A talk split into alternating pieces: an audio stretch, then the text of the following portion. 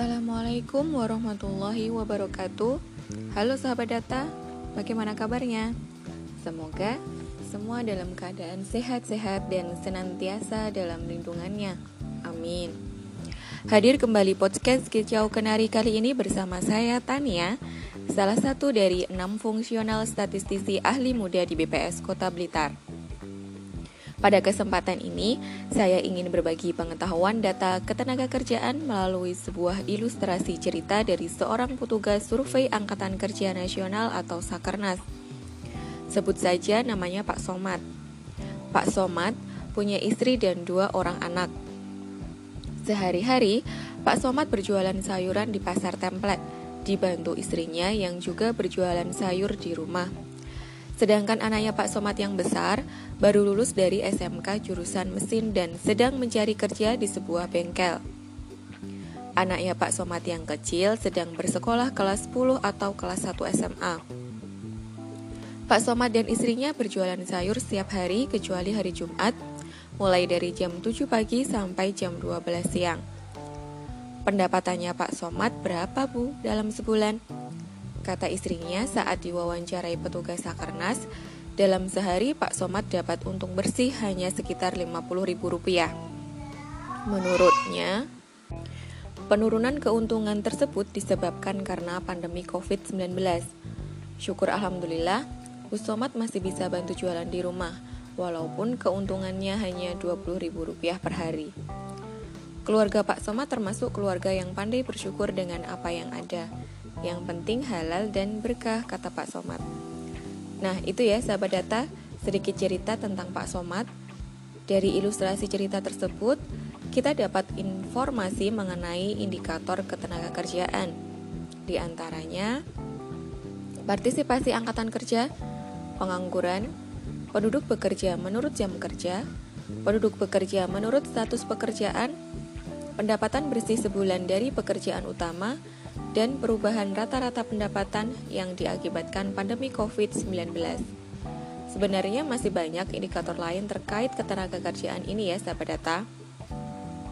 Ada beberapa konsep definisi ketenaga kerjaan yang perlu kita pahami bersama, yaitu konsep bekerja dan konsep pengangguran. Seseorang disebut bekerja jika selama seminggu melakukan aktivitas ekonomi dan dilakukan minimal selama satu jam berturut-turut. Sedangkan yang disebut pengangguran adalah mereka yang tidak bekerja tetapi sedang aktif mencari pekerjaan. Mereka yang bekerja dan sedang mencari pekerjaan digolongkan sebagai angkatan kerja. Ibu-ibu rumah tangga tidak termasuk ke dalam kategori sebagai penganggur. Ibu-ibu rumah tangga yang hanya di rumah mengurus rumah tangga, serta anak-anak sekolah dan mahasiswa yang hanya bersekolah digolongkan sebagai bukan angkatan kerja dan tidak masuk dalam perhitungan bekerja dan menganggur. Jadi kalau kita lihat dari cerita ilustrasi, maka Pak Somad dan istri termasuk penduduk bekerja. Sedangkan anak Pak Somad yang pertama termasuk pengangguran. Dan anak Pak Somad yang kecil tidak termasuk angkatan kerja. Bagaimana sahabat data?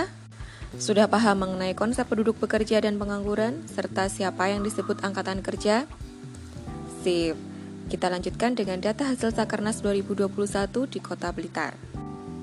Berdasarkan berita resmi statistik keadaan ketenaga kerjaan Kota Blitar Agustus 2021, bahwa jumlah angkatan kerja di Kota Blitar sebanyak 79.603 orang dengan tingkat partisipasi angkatan kerja sebesar 69,96 persen. Terjadi peningkatan sebesar 0,43 persen poin dibanding tahun sebelumnya. Komposisi Angkatan Kerja Kota Blitar terdiri dari 74.339 orang penduduk yang bekerja dan 5.264 orang pengangguran. Tingkat pengangguran terbuka Kota Blitar kondisi Agustus 2021 sebesar 6,61 persen. Hal ini berarti dari 100 angkatan kerja terdapat 6 sampai 7 orang penganggur. Bagaimana cara menghitung angka tersebut? Angka tersebut didapatkan dari penghitungan jumlah penduduk usia kerja yang menganggur dibagi dengan jumlah angkatan kerja dikali 100%. Jumlah penduduk usia kerja yang menganggur pada Agustus 2021 sebanyak 5.264 orang. bertambah sebanyak 20 orang dibanding Agustus 2020. Walaupun secara jumlah bertambah, namun tingkat penganggurannya menurun hanya 0,07 poin persen. Kondisi ketenaga kerjaan di Kota Blitar saat ini belum sepenuhnya pulih akibat pandemi COVID-19. Sahabat data bisa membandingkan dengan kondisi ketenaga kerjaan sebelum pandemi COVID-19 yaitu pada tahun 2019 di mana tingkat pengangguran Kota Blitar berada pada angka 4%. Hmm, kembali ke cerita Pak Somad ya, sahabat data. Walaupun pandemi COVID membawa efek bagi pendapatan yang dulunya pernah diterima Pak Somad dan istri, ritme kerja yang dijalani Pak Somad dan istri tidak berubah dibanding sebelum pandemi COVID menyerang. Lain halnya dengan kondisi Pak Sardi yang sehari-harinya sebagai karyawan di sebuah toko baju. Status pekerjaan Pak Somad adalah berusaha sendiri, sedangkan status pekerjaan Pak Sardi adalah buruh atau karyawan.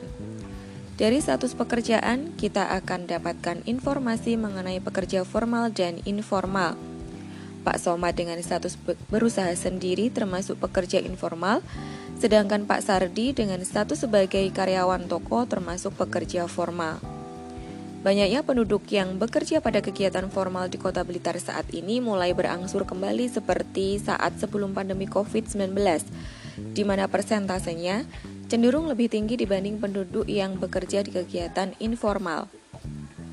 Kondisi ini sesuai dengan ciri kegiatan formal yang umumnya berada di daerah perkotaan. Sahabat data mau tahu sektor apa yang dominan menyerap tenaga kerja Kota Blitar?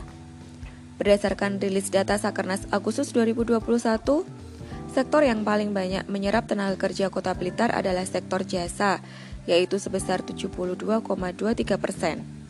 Lapangan usaha yang menyerap tenaga kerja terbanyak pada sektor jasa adalah perdagangan dan penyedia akomodasi makan minum. Bagaimana dengan sektor pertanian dan manufaktur? Sebelum pandemi COVID-19 tahun 2019, sektor manufaktur menyerap tenaga kerja sebesar 20,88 persen. Namun, setelah dua tahun pandemi, tenaga kerja yang terserap menjadi 19,74 persen. Kondisi ini berbeda dengan sektor pertanian yang justru meningkat sekitar 2-3 poin persen dari 5,71 persen menjadi 8,04 persen. Yang menarik di sini adalah Walaupun persentase tenaga kerja yang terserap di sektor pertanian paling sedikit di antara sektor yang lain, ternyata persentasenya justru meningkat signifikan. Sektor pertanian ini mencakup pertanian tanaman pangan, palawija, perkebunan, peternakan, dan kehutanan. Jika dilihat berdasarkan status pekerjaan, peningkatan persentase penduduk bekerja di sektor pertanian ini didominasi oleh penduduk berstatus sebagai buruh dengan majikan tetap selama sebulan. Sebagian besar buruh tersebut adalah buruh usaha ternak ayam, sedangkan pertanian padi lebih didominasi oleh mereka dengan status berusaha.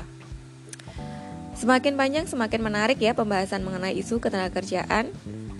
Jika sahabat data masih penasaran dengan data-data lain terkait ketenagakerjaan, silahkan datang langsung ke kantor BPS Kota Blitar atau hubungi kontak layan data di nomor WA 081 249 226 969. Bisa juga dengan mengakses website BPS Kota Blitar, Patriasat versi 2 atau Instagram BPS Kota Blitar. See you next time, tetap semangat dan jaga kesehatan selalu ya sahabat data. Wassalamualaikum warahmatullahi wabarakatuh.